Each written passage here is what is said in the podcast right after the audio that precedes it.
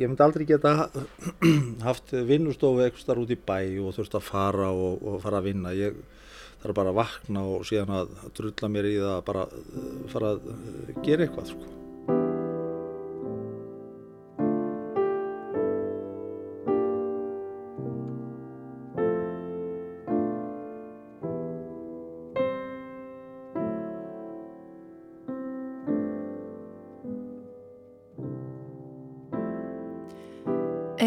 Langt og augað eigir kallast umfangsmikil yfirlitsýning á verkum Birgis Anderssonar sem tekur yfir nær alla kjarvalstaði.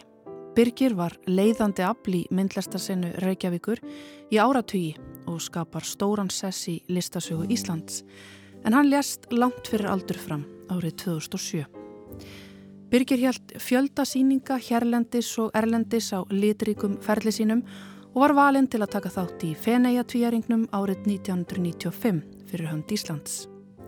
Í þessum þætti verður rætt við aðstandendur yfirlitt síningarinnar, síningarstjóran Robert Hobbs, hönnuðin Ásmund Trapp Sturluson, Aldísi Snorradóttur, verkefnastjóra síninga hjá listasafni Reykjavíkur og Börg Arnarsson, eiganda í Áttagalleri. Þar að auki verða viðtölvi Birgi sjálfan sótt í safn Ríkisútvarpsins.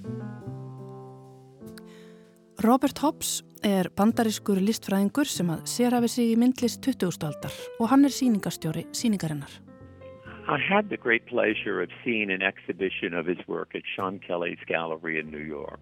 And I was fascinated with the work, uh, one because of the, the very dry sense of humor the intelligence and also the use of color because very few conceptual artists have worked with color. Það var á sínum tíma ánægileg reynsla fyrir mig að sjá síningu með verkum Birgis Anderssonar í Galleri Sean's Kelly í New York. Ég heitlaðist strax að verkunum til dæmis vegna þessa mjög svo þurra húmor sem enkenir þau hvað þau eru vitsmunaleg og líka að litanótkunni vegna þess að mjög fáir hugmyndalistamenn hafa unni jafn mikið með lit og byrgir litur á til með að vera nokkuð snúin en Birgir átti aðferðir til að vinna með hann. Þannig að ég var hansi spendur yfir þessari síningu á sínum tíma. Svo var ég beðin um að taka að mér síningastjórn á þessari síningu og vildi ferðast til Íslands fyrst til að kynnast verkum listamannsins betur, rannsaka þau og hitta vini hans, sonans og fyrrum eiginkonu, galleristan hans og þá sem þekktu vel til hans. Allir voru mjög hjálplegir á Íslandi. Well, I didn't know much about Iceland when I started off. One of the things that fascinated me was the the real contradiction between an artist who is using cutting edge conceptual art approaches for something that is so traditional. And this disparity fascinated me and I thought well I've got to know more about Iceland and its traditions. Ég vissi ekki mikið um Ísland þegar ég byrjaði að kynna mér verk Birgis Anderssonar segir Robert Hobbs Eitt sem hellaði mig var svo mótsögn að Birgir virtist vera að nýta sér aðferðir framsækinar hugmyndalistar til að skoða eitthvað jafn hefbundið og íslenskan þjóðmenningar arf.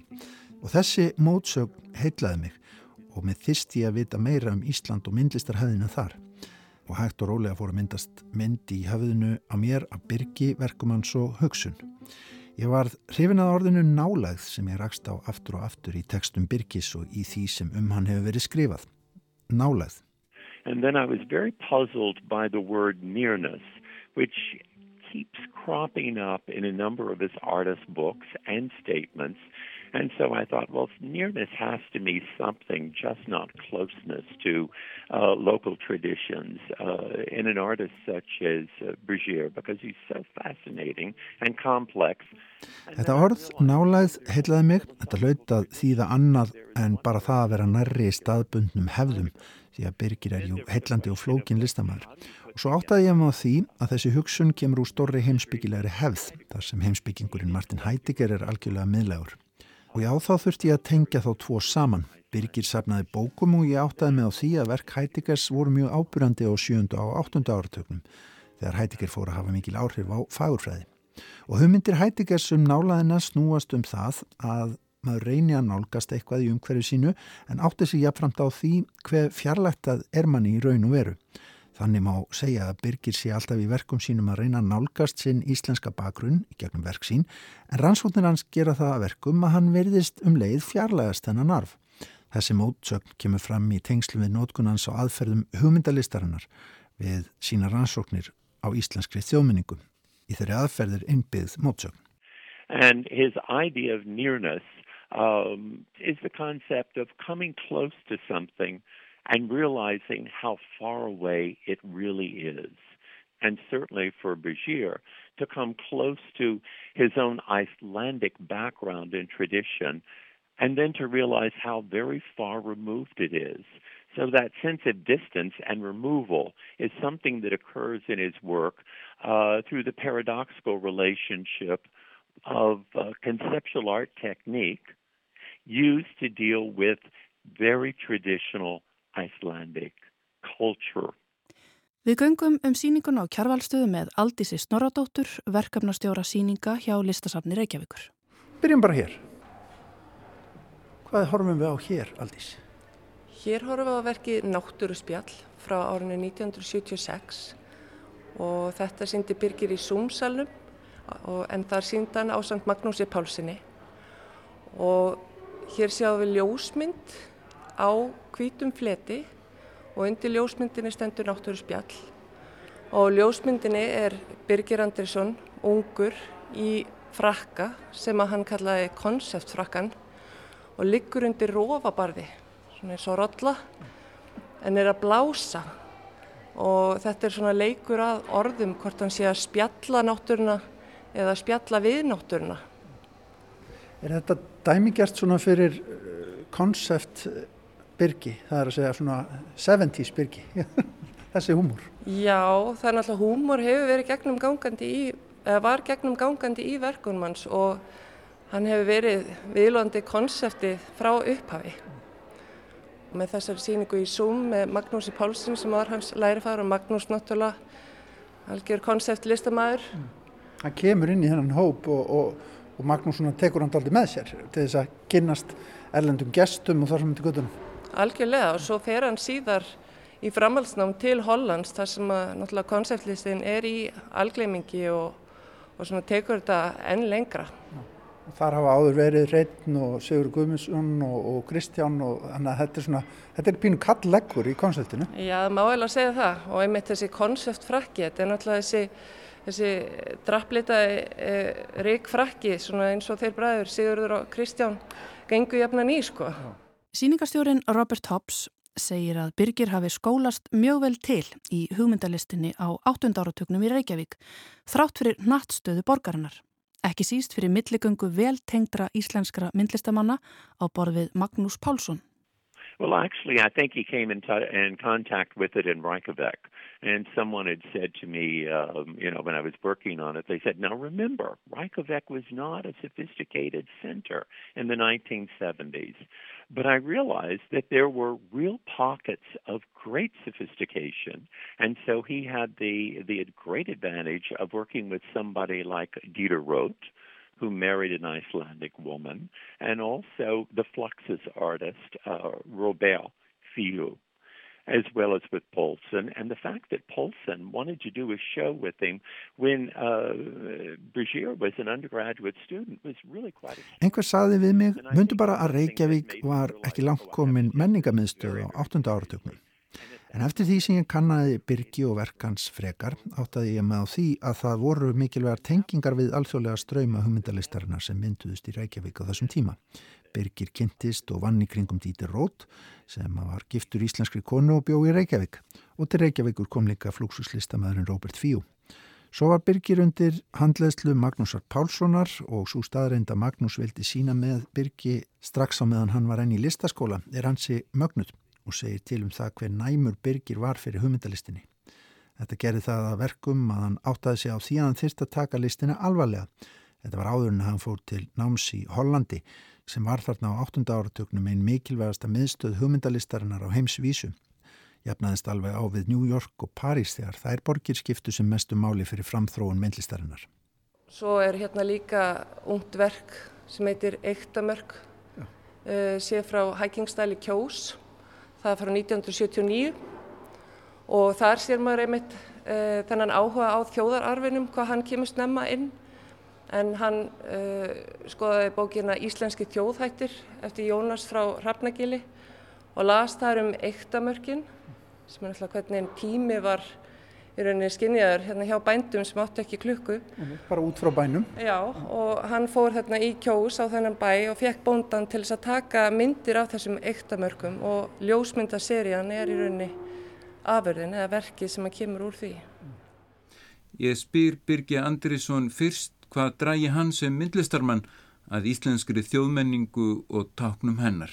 Ég held að segja svona að megnunni til þá er það svona ákveðin bara forvitni að svona forvitninga hvert uh, einhverju sem að já, er svolítið kannski svona sér og parti og uh, kannski að einhverju leiti ein, einstakt og ef við tökum, uh, tölum um þetta fyrirbæri eins og, eins og þjóðmenningu eða þjóðarmenningu að þá að mörguleiti þá finnst mér hún eiginlega ekki lengur eða ef hún hefur ekkert tíma verið að þá er hún ekki lengur til, ekki sem slík.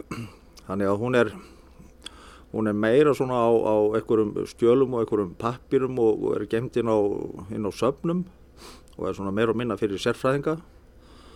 Og það er þeirra svona svolítið að að já að gefa okkur svona smá nasasjón að því hvernig við hvernig við lítum út og hvernig við ættum kannski að að líta út, ég veit það ekki. Ég held að mörguleiti sko í sambandi við Íslendinga að uh, þessi svo kallaða uh, þjóðar einkenni að þau eru á markan máta sko þau eru mjög svona komisk Sko ef við höldum áfram þá er náttúrulega stóra ásteng kannski í lífi Birgis þegar kemur á myndlistinni er já, þjóðlegur arfur. Já, við sjáum það alveg.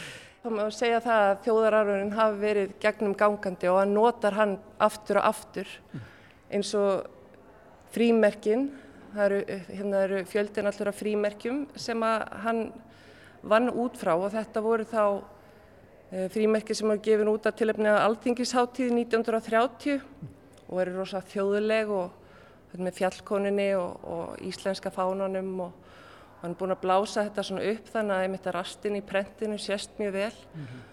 og það sem var skondið við þessi frímerki eða það sem að honum fannst kannski aldrei skondið var að þetta var austurísku maður sem að hannaði þessi frímerki af þessari íslensku þjóðarýmynd og hann er svona að vinna með þessa þjóðarýmynd og hvað við teljum þjóðulegt en, en samt einhvern veginn afbaka það Það er alltaf smá húmor, alltaf smá leikur hérna við endan á salnum, stóra salnum hérna.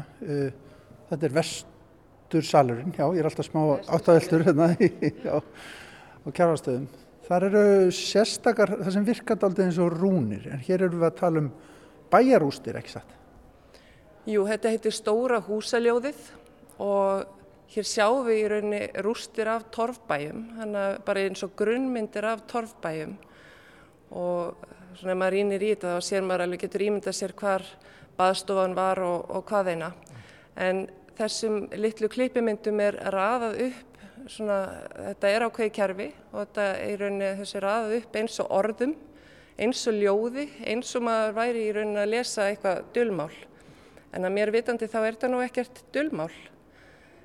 En hann hitti uh, Donald Judd hérna á Íslandi snemma á tíund áratögnum sem var hér að skoða torfbæi og, og hérna arlef þeirra á samt herði ágúsinni. Bandaríski minimalistinn. Já, nákvæmlega. Mjög mikilvæg týpa í listasögunni og ætlaði hann hafi ekki orðið fyrir einhverjum innblæstri í spjalli við hann og nota þetta eins lengra. Þannig að svona einfaldar bæjarrústirnar og það er verða nánast eins og það verða nánast einhver stafir eða eitthvað slikt. Já, eitthvað hýroglífur eða rúnir eða hvaðina. Ásmundur Rapp Sturluson, þú hefur verið með í því hér að hanna upp þessa síningu, ert arkitekt. Hvað gerir maður þegar maður hannar millisíningu? Í hverju fælst það? Nú hef ég sko, ég er nú aðeins komið að þessu áður að svona setja upp svona millisíningu það getur verið það að myndlistamæðurinn er á lífi, það er síningastjóri, þannig að það verður svona teimi að þá er þess að hönnuður á síningunni, síningastjórin og myndlistamæðurinn. Uh, í þessu tilvelli þá er myndlistamæðurinn látin uh, og síningastjórin í bandaríkjónum. Uh, og, og kom aldrei eða? Nei, hann er, hann er ekki komin ennþá sko, en hérna og það kannski, það breytti aðeins hlutunum að því leiti að, að, að svona á endarsprettinum þá var ég svona kannski aðeins meira innviklaður í síninguna, í uppsetninguna á henni og þannig sem að Róbert hefði annars verið sko. En þetta er eiginlega svona að reyna að, að sko sjá fyrir sér í raun svona heldar anda síningarinnar og yfirbræð síningarinnar það sem kannski er helst sem að má benda á sem eitthvað svona hönnun hér að það er svona skipulæð á rýminu. Já. því að eins og hérna nú erum við hérna í vestusalnum að hér höfum við veggi sem eru lausir veggir. Uh, þetta eru sex veggir sem að hafa einhvern tíðin að verið svona doldið á flakki hérna í safninu. Og þannig að það fyrsta eiginlega sko sem ég kem að þessu fyrir utan það að fá náttúrulega listan frá Róbert um hvað hann vil sína og átta sig á því umfanginu og annaður starf að það er að reyna að, að skipilega salin út frá verkonum sem að maður er með hvernig maður vil sína þau viltu flokka þau eitthvað, er þetta, er þetta svona ákveðni hópar, er þau ólík? Og þannig fer ég að stað með að staðsetta þessa veggi. Hérna eru þeir þannig að þeir eru í pörum, þeir eru settið saman og mynda bara þrjáveggi og þannig næ ég að, að búa til, má segja, svona fjögur rými í þessum stóra sall. Uh, og þeir átt að skapa svona ring í salnum því að eitt af því sem var lagt upp með upphæfi var að það að síningin var svona nokkur neginn í tímaröð mm -hmm. og þá vil maður kannski skipulegja umferðina um salin þannig að það sé tiltölu augljóst hvert þú ert að fara þar að segja ef þú ætlar að fylgja henni í tímaröðu sko. Nú veit ég að þú þekkir ákveðlega til verka Byrgis, hvað er það sem að hérna, hefur heila þig þegar kemur að verkum hans? Sko það er kannski erfitt að, að, hérna, að benda á eitthvað eitt ákveðið og það er nú einmitt kannski málið einmitt við Birgir að það er einhvern veginn ekkert alveg eitt ákveðið, hann er ekki, hann er ekki bara hér, heldur er hann náttúrulega að skoða doldið heiminn út frá svona ýmsum sjónárhóttnum uh, en sem ég myndi kannski segja sko Ísland meir en heiminn sko en setur síðan Ísland í samingi við heiminn. Uh, og þar er hann að skoða uh, bæði náttúrulega menninguna, fólkið og náttúruna. Og það er svona hluti af því eins og við kannski settum síninguna upp er að þetta er svona pínu svona sapnað saman sko uh, annars vegar eins og sko torfbærin hérna með stóra húsaljóðinu og frímerkin að þetta svona tala doldið saman og svo ertu komin hérna áfram það sem er komin í uh, sagt, annars vegar fólkseríun hans og svo portrétin, mannlýsingarnar sem er náttúrulega sko, mjög skilt en unnið á, á mjög ólíkan hátt. Uh, og þetta finnst mér doldið spennandi við sko, Birgir og hefur alltaf verið að það er einhvern veginn hvernig hann hefur, svona, hann hefur verið doldið leitandi í miðla þó að hann kannski hafi ekki það leik ekki margir skúltúrar eftir hann og ekki marg, mörg vídeoverk og annað þess þar að það sem maður má sjá eins og hérna til dæmis hérna í þessum, í þessum portrétum að sko hérna erum við með eina þrjá eða fjóra miðla en sko viðfangsefnið er alltaf það sama. Uh, og svo aftur sko textaverkin eins og í þessu sem að síðan eru síðan orðina textaverkunum á veggjónum þar sem þetta farið að verða svona tala í raun og veru meira til rýmisinn sko það er alltaf einhver húmor í, í, í þessu svona, hann er eiginlega alltaf aðeins að nutta okkur upp úr okkar eigin hugmyndum um þjóðurni, ekki satt? Jú, jú, jú, og það er náttúrulega það sem er stóðskemtilegt við hann, sko. En uh, svona á, á doldið svona lúmskan máta, sko. Mm. Ég hef alltaf haft rosalega gaman að þessu mannlýsingaverkum hans af því að lýsingarnar eru bara svo flottar og hérna, já, já, og hérna einhvern veginn æfintýralegar nefnur að lesa eina fyrir mig lestu hérna einhvað Þetta er nefnilega svona pínuskondið sko.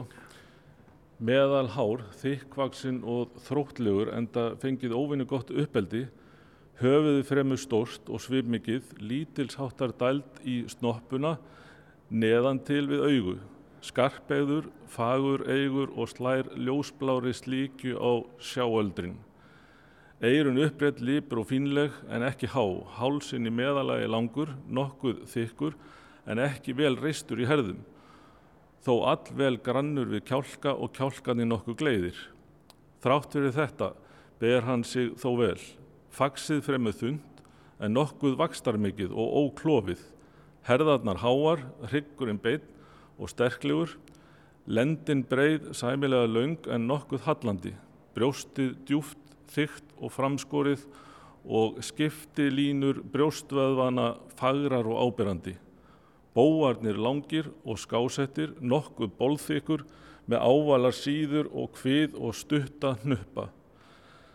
Það sem er doldið gaman einmitt í þessu sko er að þú kemur hérna að þremur mannlýsingum hérna sem eru sko, þessar eru málaðar.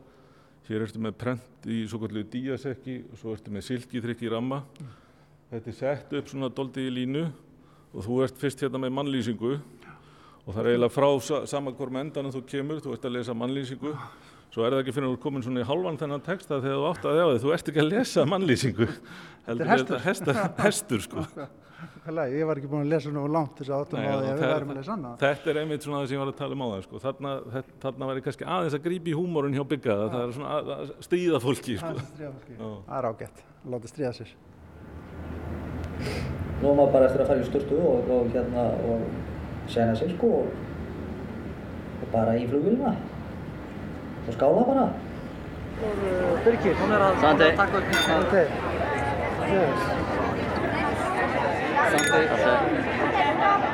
Sandi Nice to have you here in Venice og það voru að fátt á bílunum sem virkilega svona interesseraði mig uh, persónulega ég held að sem að kemur bara um, svona helst upp hugan eru bara eru svona fallegar minningar frá, frá, frá þessari borg.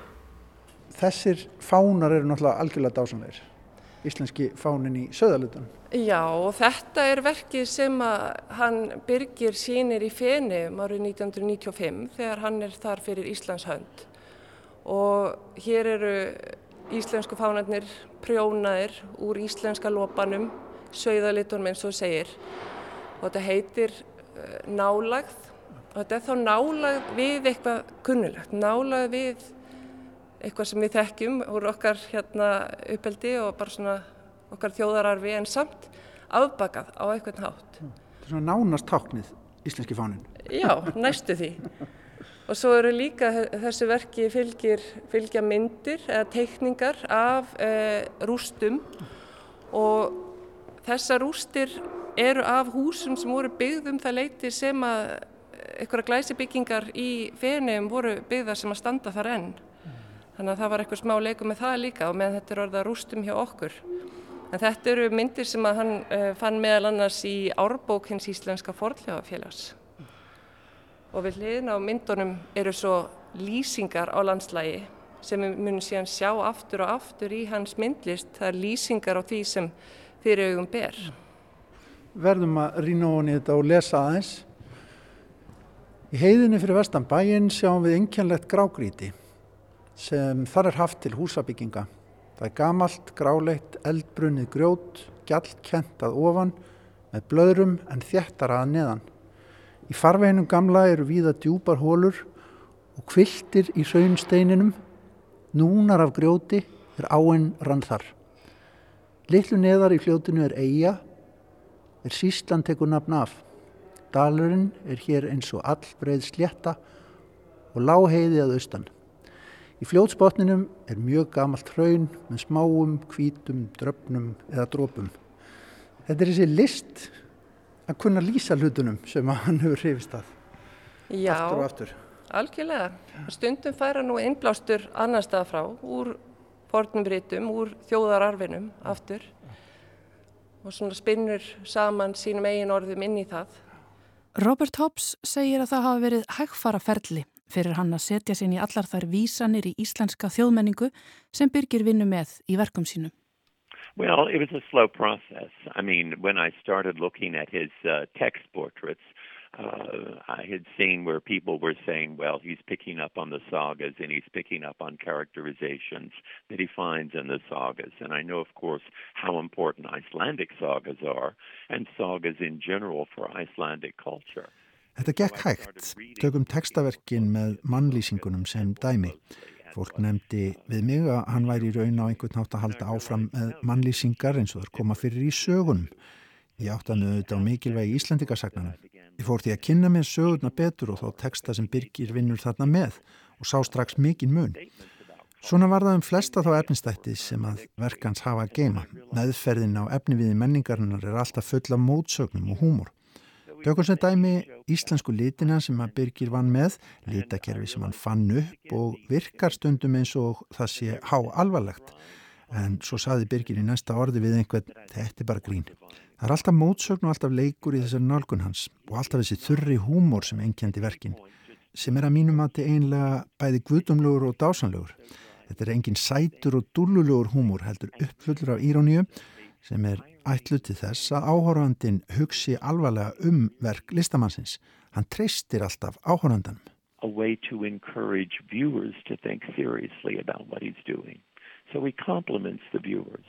Og ef við höldum áfram þá eru líklegast svona einn þekktustu verkin eftir Birgi þá eru þessar mannlýsingar sem hann fær úr alþingisbókum uh, af strókuföngum en, en hann blandar þeim við staðans saman. Hann, hann býr aðeins til nýja menn úr, úr hérna, uppröndlegu tekstunum Já, það er eiginlega ómögulegt að finna bara þessa manneski sem maður er að lesa um beint upp úr alþingistíðendum því hann tekur í rauninu bara setningu hér og þar eins og nefnir blandar saman. Svo úrverður ný og oftaldið óhugnæli týpa og svo stundum spinnur hann líka saman við e, tekstan og það er alveg ótrúlegt þegar maður les þennan texta allan þá byrjar maður eiginlega að sjá ímynda sér eh, náttúrulega manneskjuna sem er verið að lýsa. Og það er heita portrétt þessa myndir og eru svona portréttlaga og það er líka gott að hugsa um það á þessum tíma þegar alltingistíðindu voru gefin út þá voru náttúrulega enga ljósmyndir svo þurfti að lýsa fólki og þeirra svona háttum, svona hvernig það bar sig og það er ekkert ólíkt því eins og þegar verða að lýsa fyrir blindu fólki því sem að er í kringum sig eða ákveðnum manneskjum. Maður lýsir alltaf öðruvísi fyrir blindum en til dæmis fyrir sjáandi. Lestu fyrir mig eina lýsingu þennan. Hann er vel meðal maður og hæð og svarar sér vel að gildleika. Hann er beinvaksinn og rennilegur og íturvaksinn, þótt ekki sé hann smekklega vaksinn til kviðsins. Þó sínist mér hann vera að byrja að mynda yðnaðarmannakistil um herðarnar. Hann getur orðið nógu skemmtilegur með tímanum. Hann er heldur grannleitur í andliti og óþjóðlegur, suðra en slíkja á andlitinu. Þó má hann heita fríður maður sínum. Hárið er mikið og hrapt svart. Það myndi hvennfólki þykja fallegir lokkar. Augabrúnirnar eru dökkar og ávalar og ekki miklar. Nefið er beint og eigi hátt og þó stundar mikill liður ofan við miðjuna og verður það hlikkur á nefnbeininu. Ekki mann ég nú sem stendur til hvorar handar. Þetta er þannig að, að mannkynnið er allt meira að minna. Það er eiginlega svona, það uh, starfar á mjög svipaðan máta. Það hefur heila og það hefur lungu og, og, og hjarta mm -hmm. og maga. Mm -hmm. Þannig að þú ert eiginlega, þú ert að tala við sama fólkið eða svo til uh, hvar sem er í verðundinni. En það er einn hlutur sko sem hefur ekki mig áfram og sem að ég hef svolítið skondið við, við Íslendingin og, og það er það að það sem er eitthvað mig áfram er forvitni. Ef ég sé eitthvað eða heyri eitthvað þá hef ég áhuga á því að, að skoða þetta nánar og, og, og uh, lesa mig til um það og svona og spjalla við þá sem að jafnveg getur vita meir um málið heldur en ég.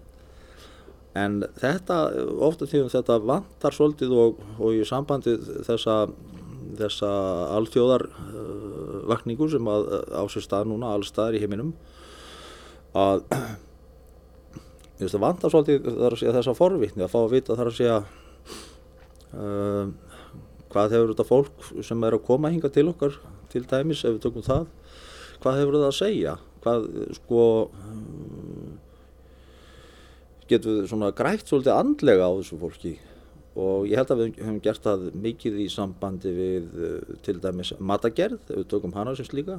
Og við sjáum að, að ofta tíðum hjá, hjá um, þessum nýbúum ef við mögum kalla það svo að er miklu, þar er miklu sterkari svona þjóðar hefð hérna, við erum búin að gleima þessu öllu saman. Kunnum þetta ekki Ég fættur í Vestmannum 1955 og uh, bjóðar uh, já, þannig að ég var þryggja fjóra ára gammal og þá flutti ég með blindum föðu mínum hingað upp á land. Hann var reyndir átt að því að móðum dó og þar kynntist hann sagt, blindur í konu og þau giftust og ólu mig upp. Já, það hefur nú verið nokkuð sérstakt að uh, eiga blinda fóröldra. Já, það er náttúrulega eins og svona, þegar menn eru spurður um svona ymsa hluti að þá verður þeir að svara því að þeir þekki ekki dannað, þannig að ég veit það ekki.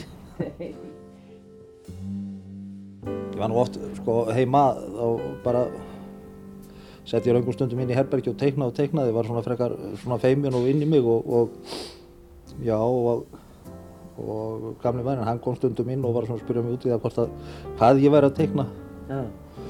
og uh, ég reyndi að útskýra það fyrir honum og svo jafnvel að það fyrir mig svona þrautur eins og hvort þetta væri góð eða slem mynd já. og þurfti það svona að skýra það út fyrir honum Þetta með uppbeldi Birgis, það er að segja að hann alist upp á meðal blindra í, á blindraheimili. Hvernig sér þú það hafa áhrif á hans list? Ég sé það alveg hafa haft gríðarlega áhrif á hans list og það er rauninni litar hans upplifun af sínu umhverfi og af því hvernig hann ákveður að tjá sig og maður sér það í rauninni enn betur í gegnum myndlistina þegar hann svona saman kominn hvað hann var sem rauðið þráður í gegn. Hann er alltaf að lýsa fyrir, fyrir sér og fyrir einhverjum öðrum og það er alltaf, við erum bara þakklátt fyrir það sem að horfandur. Já, það hendar kannski sérstaklega vel fyrir svona útvastátt. Hann nóg að lesa, hann nóg að lesa. Og lýsa. Well, let me say this. I think that uh, Brigitte started life as an outsider. What happens with an artist who comes out of a home for the blind with two parents, his father and his stepmother, who he said was extraordinary and like a real mother to him, who grows up in a home for the blind. And I realized that it was a very important reinforcing center for him, as well as it was an opportunity uh, to to really grow up in a culture where Icelanders were outsiders. Ég skal orða það svo að Birgir Andersson hóf sitt líf sem utangarsmaður, segir síningastjórin Robert Hobbs. Ég þurft að svara þeirri spurningu hvað gerist fyrir listamann sem er alin upp á blindraheimili, að blindum föður og blindri stjúpmóður. Ég áttaði mig á því að það var ekkert óvennlegt fyrir Birgi að upplifa sig sem utangarsmann frá heims ströymum myndlistarinnar síðan meir. Birgir skilur reynslu utangarsmannsins vegna reynslu sinnar í æsku og þetta þýðir að þegar hann tekur fyrir íslenska menningu og undirlíkjandi fyrirbæri í henni þá er hann í senn innangars og utan. Hérna stönduðu fyrir framann fundnar myndir, hann var líka bara fann alls konar þjóðlegt efni og setur fram í sínum verkum. Uh, hvað erum við að horfa á hér? Þetta er mikið hausasafn. Já, þetta er stór seria sem heitir Annars konar fólk og eru myndir af ymsum karakterum og típum sem við höfum mörg heyrt um uh, og svona voru já, jæðrinum í íslensku samfélagi, skulum við segja, flökkumenn og konur og já, hefur höfðu sína ymsu ástæður til þess að vera flakkandi um sveitinnar og hér má sjá til dæmis Jóhannes Birkiland og Sólón Íslandus og, og, og bara fleiri áhugaverða karaktera. Mm. Um, og í miðjunni er svo mynd af honum Helga sem að bjóða blindraheimilinu líka. Já, býtu hver er það hérna? Á. Það er það hérna í miðjunni. Já, já sem við... Helgi Gunnarsson frá Grund. Já, auðvitað mikið yngri, yngri myndin hinnar. Já. Og hérna, en hann var mjög sérstök og skemmtileg týpa sem að, sem að, já, svona, hafði mikil áhrif á Birgi. En á blindraheimilinu voru gerna kvöldvökur og á þessum kvöldvökum voru sagðar sögur af ymsum fyrðufuglum og skemmtilegum eh, manneskjum. Og það svona var hluti af, af þessu að, að fá áhuga á, á þessum karakterum. Í upphafi þá sá hann bók um drauma Jóa, það var bara árið 89 held ég. Og þá síndan myndir af drauma Jóa, þá bara var það par en svo ógst þetta og varði raun og síðar að, að þessari stóri seríu. Nú, í sambandi við uh, uh, þessa serju af, af uh, þessu flökku, flökku fólki, ég myndi nú ekki segja að þetta væri svona útigangsfólk. Það er ekki nema tveir held ég útigámsmenn í þessari serju og það var alltaf hægt að kalla það úti, útigámsmenn út af því að þetta voru mjög uh, svona vinsælir karakterar í, í Vestmanniðum annar uh, Ameríkugeiri og vinnur hans uh, Gösli eða Gulli Valda. Og það eru eiginlega einu svona uh, já svona super uh, uh, svona rónatnir í, í þessari serju en þetta er svona serja af, af Íslendingum og, og fólki sem var sett til hlýðar það var sett til hlýðar, það var sett í, í þriðja, fjórða eða fymtasæti í þessum svo kallaða mannfélagstíga og kannski að mörguleiti eru er þessir hlutir enn að gerast í dag hjá Íslandingum að við tökum þar að segja það fólk sem að kemur hérna til þess að hjálpa okkur þú veist við að þrýfa upp skítin byggja upp uh, fárarlega minnisverða um, um hinn og þessa hluti að síðan sparku við í þetta fólk og uh, að að þetta er ekki af, af sama kynstofni og við. Þetta, uh, hugsa, þetta er ekki eins, eins, eins briljant og, og, og við. Og þar fram með til göttunum mm -hmm. en, en, en uh, þeir, þessi karakter hafa náttúrulega þeir hver og einn stórkoslega, stórkoslega sögu. Og uh, mikið af þessu voru menn sem að voru listamenn skáld og um, þetta eru bara þetta eru, þetta eru fólk sem að uh, við hefum eftir að endurmeta og sjá í, í hérna í öðru, öðru ljósi. Nú tökum við okkur stöðu hérna aldís fyrir framann stort og mikið verk sem að þessi síning tekur napsitt af. Hér stendur eins langt og augað eigir þetta eru íslensku litirnir hans Birgis. Já, íslenski litir sem hann skilgreinir sem íslenska liti og við sjáum þá líka í til dæmis mannlýsingunum að, að hérna, þeir fletir eru skýrðir eftir uh, íslenskum litum. Þetta er litakerfi sem hann býr sér til? Já, þannig að hér sjáum við einst langt og augað eigir og svo nokkur neðar litir íslenskur 2010 R90B og íslenskur 3060 Upsilon 70R mm. og þeir sem tekja til þá er ég að þylja upp NCS litakerfið sem er sænst kerfi og hann notaði líka Pantone kerfið en hann skilgreina það sem íslenska. Og ekki, hann reyndi að finna til íslenska liti, ekki út frá eh, kannski íslenskum litum sem maður finnur í náttúrunni af steinum og jurtum og mosa og þess aftar heldur frekar af íslenskum munum og hlutum sem að höfðu verið gerðir hér á landi af Íslendingum. Mm eða öðrum bara sem að finnast hér á landi, til dæmis í kirkjum eða á munum sem að finna á þjóðminjarsafninu. Þannig að uh, þetta verður alveg gegnum gangandi líka og þannig er náttúrulega að koma, þetta er svona aftur leikur með þjóðararfin og hvað er, hvað er íslenskt og hvað ekki. Því hann horfði alltaf á sig sem alþjóðlegan listamann þó að hann var vissilega fættur á Íslandi og, og svona er að skoða þetta í alþjóðlegu samengi. Þetta verk er hér málað á heilan vegg á gafl hérna í vestursalunum og það kemur með leiði ekki sett að utan. Jú, þetta fína verk er í eh, sapning Metropolitan Sapsins í New York.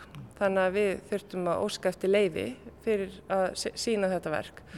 Og þetta er svo kallar fyrirmæla verk, svona algjört hugmynda konceptverk þar sem við raunum bara fáum auðspéligil og fyrirmæli um hvernig við eigum að setja þetta á veggin og það getur teikt sig og, og mingað bara eftir því hvernig veggurinn er. Og við ákvaðum að setja þetta á mjög stóran vegg. Og þá er rauninu bara breytist letrið eða leturstarðin eftir því. Og það sem er skemmtilegt við að þetta er í sapning Metropolitan Sapsins er að þau, þau vildu að það væri á íslensku.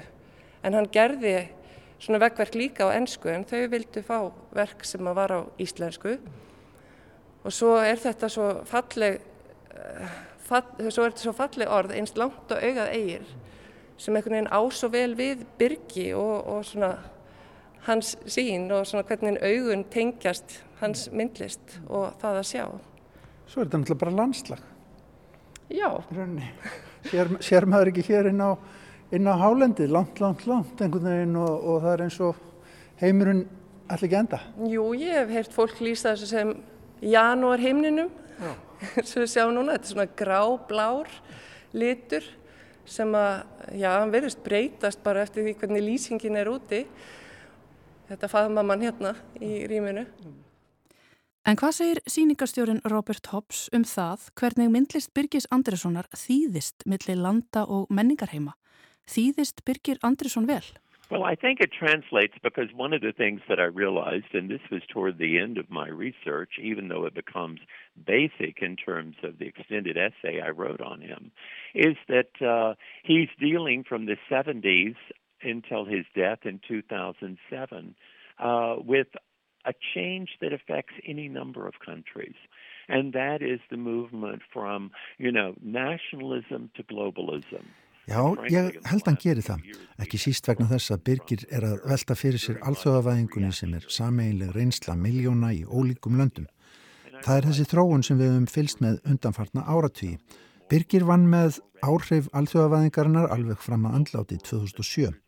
Ég gerði mig grein fyrir því að á Íslandi, rétt eins og annar staðar, voru mismöndi reyfingar sem að vildu ímist fara rætt eða hægt í þessum efnum, samlegast ytra umhverfi eða halda fast í sérkenni og hefðir landsins.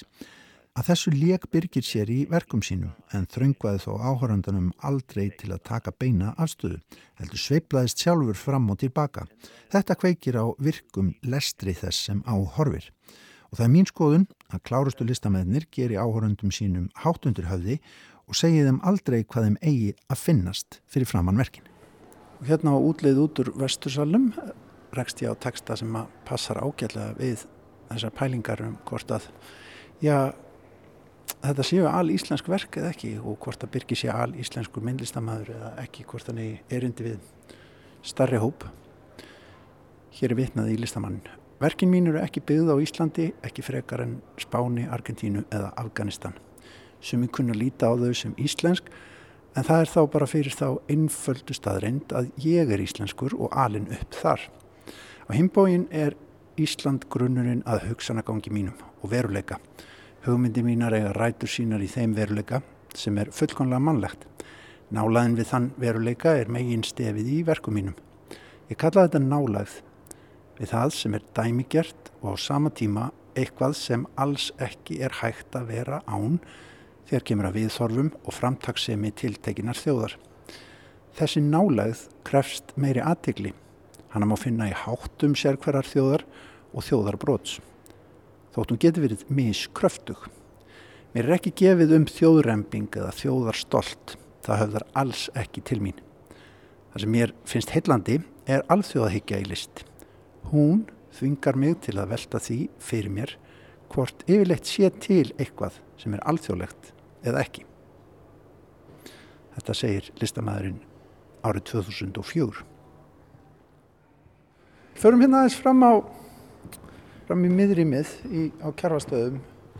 Sko, hér er þetta aldrei merkilegu skúldur sem tekur á mót okkur aldís sem að hérna, já, er einhvers konar já, fínast kamar eða ekki? Jú, þetta heitir útihús og er já, eins og kamar í læginu en, en hann er þó bara með grindur sem veggi þannig að það væri ekki mikið prífasíð þarna inni og svo er lokið á kamrinum, það minnir á asklokk þannig að þarna er þetta náttúrulega þessi gamansami leikur við þjóðararfin og, og svona tengja saman askinn sem að fólk náttúrulega borðaði úr og, og svo útihús sem að náttúrulega, já, er, er hinn meginn. Það stanslust þessi leikur að arfinum einhvern veginn hjá, hjá Birgi. Áfram höldum við hérna, það, hér eru fleiri íslenski litir, það er náttúrun kemur hérna inn líka með, með fugglasöng. Það eru íslenskir fugg, eh, fugglar í íslenskum litum og þá er þetta í rauninni fugglahljóðin uh, sem við lesum og í þessum íslensku litum. Við sjáum róp sem að mig gruna nú að sé rjúpa en það er eitthvað erfiðara að átta sig á, á hinnum hljóðunum. Já, nema maður væri fugglafræðingur kannski. Já, þetta er svona skemmtilegt gestaþraut fyrir fugglafræðinga að komast að því hvaða fugglar eru hér. Já, ég hugsa að verið mjög snemma, ég ætlaði mér að vera myndlistamæður. Það kom ekkert annað til greina. Nei. En það, sko, ég veit ekki, ég bara svona í gegnum alla mín á skólagöngu, þá fjell ég allstaðar, þá frekar slappur í öllu. Já, og svona lærði einhvern veginn alltaf aðra hluti, heldur hún alltaf að læra. Já. Þannig að uh, það kom eiginlega ekkert annað til greina heldur að verða myndlistamæður. Sýningarstjórin Robert Hobbs segir að nú standi vonri til að sýningin á kjarvalstöðum á verkum Birgis Andressonar geti átt sér framhaldslíf og ferðast víðar til Evrópu og Bandaríkjana. Útkoma nýrar glæsilegar bókar á ennsku, þar sem að Hobbs rítar langarítgerðum Birgi og verk hans, er liður í þessum væntingum. Í bókin er einnað að finna ídarlegar samræður Þrastar Helgasonar við listamannin sem áður hafa komið út á bók á íslensku en eru nú aðgengilegar mun fleirum. there is a, the hope and the plan now that the show is put together and the book has been published on the show traveling to Europe and the United States. One of the murals we have in the show is uh, also the title, and I, I, will say it in English because my Icelandic is almost non-existent, is uh, as far as the eye can see. Og Robert Hobbs talar einnig um þessa vissu síningarstjóruna í Metropolitansafninu um að hafa verkið svo langt sem augað eigir, sem að gefur síningunni nafn, á íslensku þegar þeir völdu það inn í umfangsmikla sapning þessa mikla saps í New York. Uh, the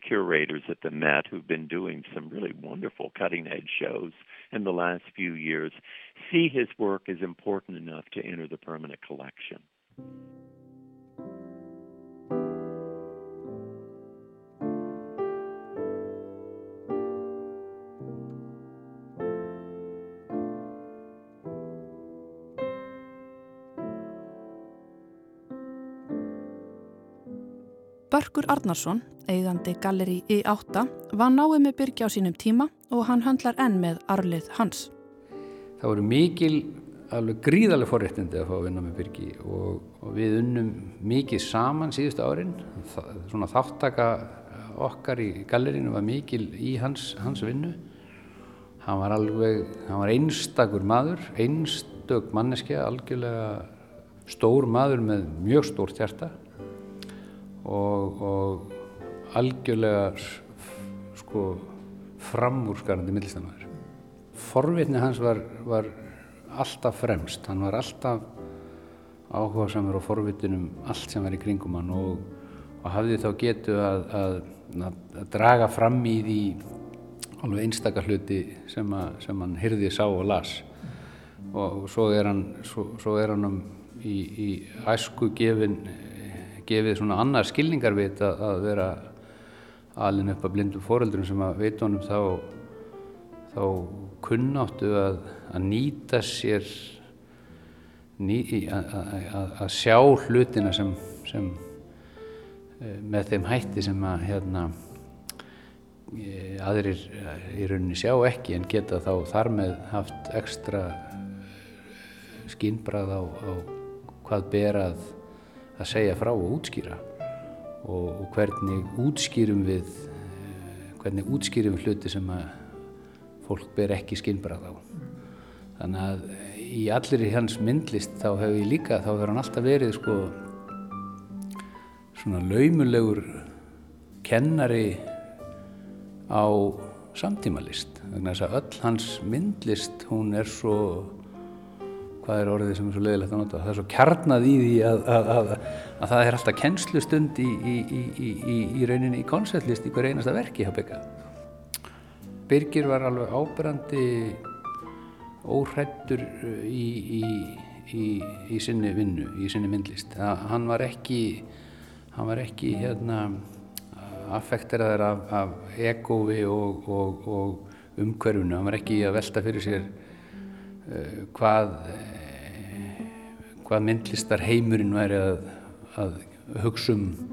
Það stoppaði hann ekkert í, í að gera sín verk en Birgir var, var, var gríðarlega uh, próduktífur. Hann gerði alveg, hann var alveg kjarvalskur á, á, á, á verk, á magna verkum sko.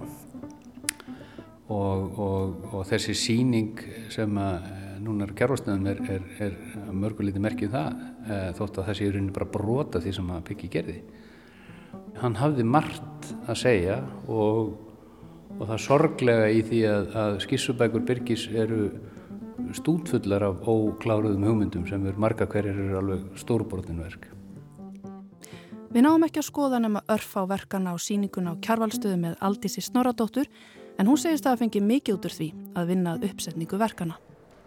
Ég þekkti hans list vel fyrir áður en að ég fór að vinna, svona, vinna að þessari síningu en það er stundum þannig að þegar maður fyrir að vinna djúft með eitthvað listamann og, og verka eitthvers að þá bara diffkar í rauninni aðdáðunmanns á þeim listamanni. Og það gerðist núna, það er einhvern veginn, hann er svo marglaga og það er hægt að lesa hann á svo margan hátt og, og líka að maður finnur það eiginlega í gegnum verkin sko hvað hann var góður og hérna og bara góður listamæður og þau lifa svo vel, svona sjálfstætt, þó að maður finni vel fyrir listamannum þá eru þau samt lífa svo vel sjálfstætt líka.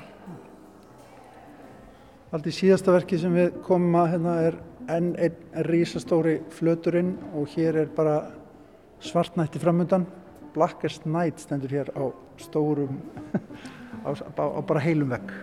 Já, þetta er, við ákvaðum að gera öll veggverkin stór, bara láta, láta þetta verða daldi magnað og kannski er þetta bara aldrei dramatískur endir á, á þessari síningu. Þetta er, hún er hugsuð svona í tímaröð cirka þannig að hérna austanmegin er þetta síðustu verkin sem hann gerir og svona eftir 2000 að mestu. Og svo er þetta Blackest Night svona áður en maður fer út og einni þarna vil benda á þessi litlu verk í hodninu sem heita off-coloring eða aflitun sem er þá sandpapir sem er búið að svona sandaburt lit. Já, þetta er bara sandpapirinn sjálfur útbrotinn. Já, útbrotinn og, og svo aftur litakóðin á þeim lit sem er á sandpapirnum. Já, það er búið að nota papirinn í að nutta upp, nutta upp þennan lit til gerða. Já, þannig að liturinn festist á papirnum.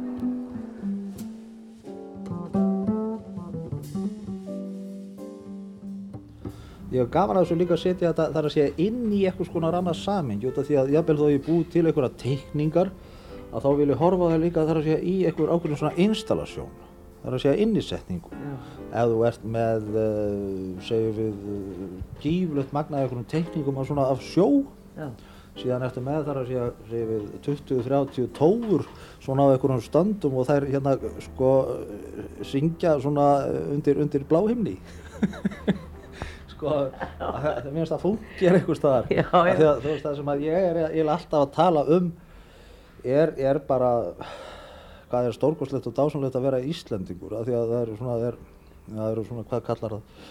Já við getum sagt eins og, eins og, hérna, eins og Lagsni saði eitthvað sko að það eru mannréttindi að með að vera eins heimskur eins og hver vill